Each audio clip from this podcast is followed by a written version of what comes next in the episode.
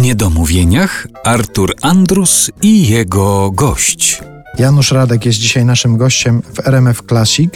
Rozmawiamy o jeździe na występ rowerem z Wieliczki do Ostrudy, o marszu z Wieliczki do e, Genewy. To może zacznijmy rozmawiać też o muzyce, o piosenkach. Chociaż nie wiem, czy jeszcze jakiś wątek gastronomiczny nam się gdzieś tutaj nie pojawi. Przeczytałem gdzieś w jakiejś rozmowie z tobą, ty powiedziałeś, jeżeli chodzi o to twoje śpiewanie, o to twoje bycie na scenie dojrzałem ja i publiczność. Mówiłeś o tym w kontekście tego, że zacząłeś pisać swoje teksty, że zacząłeś przedstawiać publiczności nie tylko poezję swoich ulubionych poetów, ale również mówić e, swoim tekstem.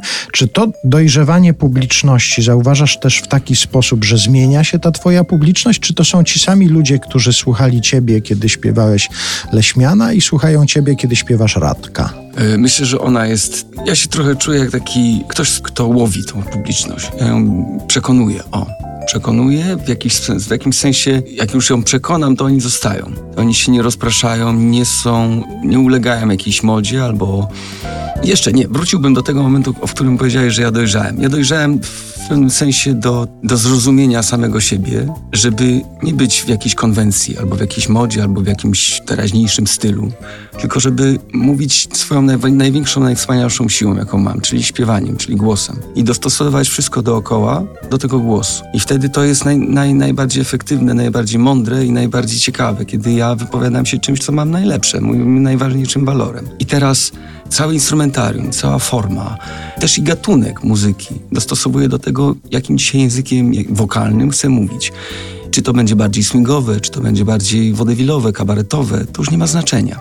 Dzisiaj na przykład chcę mówić o tym, że jestem szczęśliwy, że widzę, że dobrze jest, że ludzie mogą się w jakiś sposób relaksować, że nie muszą się spinać, że nie muszą o nic już walczyć, ewentualnie, jeśli jest taki moment mojego postrzegania świata i wtedy mogę sobie pozwolić na frywolność, na coś w formie kabaretu, na, na nawet na ten swing, który jest jak najbardziej takim oddechem i, i relaksem. Ale kiedy mam spostrzeżenia, które wynikają z tego, że, że gdzieś jakaś, jakaś psychologia mnie dopada, wtedy, wtedy mogę zmieniać to wszystko w zależności od tego, jakim głosem dzisiaj chcę mówić. Ty powiedziałeś też w jednym z wywiadów, w jednej z rozmów, mnie w muzyce nie interesuje styl, nie jestem do żadnego przypisany. I to już jest pytanie, czy tak. są takie, w które byś jednak nie wszedł? Czy właściwie nie masz tematów ograniczających cię, jeżeli chodzi o muzykę? Nie, nie, w ogóle. Myślę, że gdzieś tam w, w tyle głowy, jak zadałeś mi to pytanie, poczułem taki oddech disco polo. Mhm. Czy ja bym zaśpiewał disco polo? Gdybyśmy zrobili spektakl o disco polo albo disco polowy spektakl, uważam, że to byłoby świetne doświadczenie. Ja bym się z tego bardzo cieszył i w ogóle bym się niesamowicie bawił. Wyobraź sobie, żeby zaśpiewać coś, co ma taką ilość polipów w nosie i co ma takie pasmo e, w, w śpiewaniu, w, w, wydobywaniu dźwięku, że to jest tak, to jest strasznie trudne. Jest strasznie trudno tak śpiewać. I teraz przygotować taki spektakl, taki cały program ze śpiewaniem takich piosenek, ja bym się niesamowicie dobrze bawił. Albo nie wiem, na przykład można byłoby zaangażować orkiestrę symfoniczną do czegoś takiego. Zaśpiewać piosenki disco, disco polowe z anturażem yy, orkiestry symfonicznej. Z chórem? Rewelacja. A i potem jeszcze poprosić drugą stronę, żeby zespoły disco polo zaczęły występować z kwartetami smyczkowymi na przykład, prawda? To jest też ważne bardzo.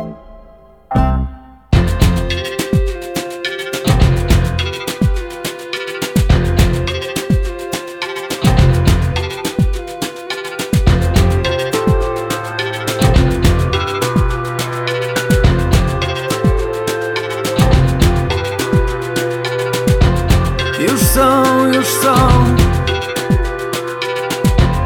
Ci ludzie, co Nie wiedząc nic o sobie Do siebie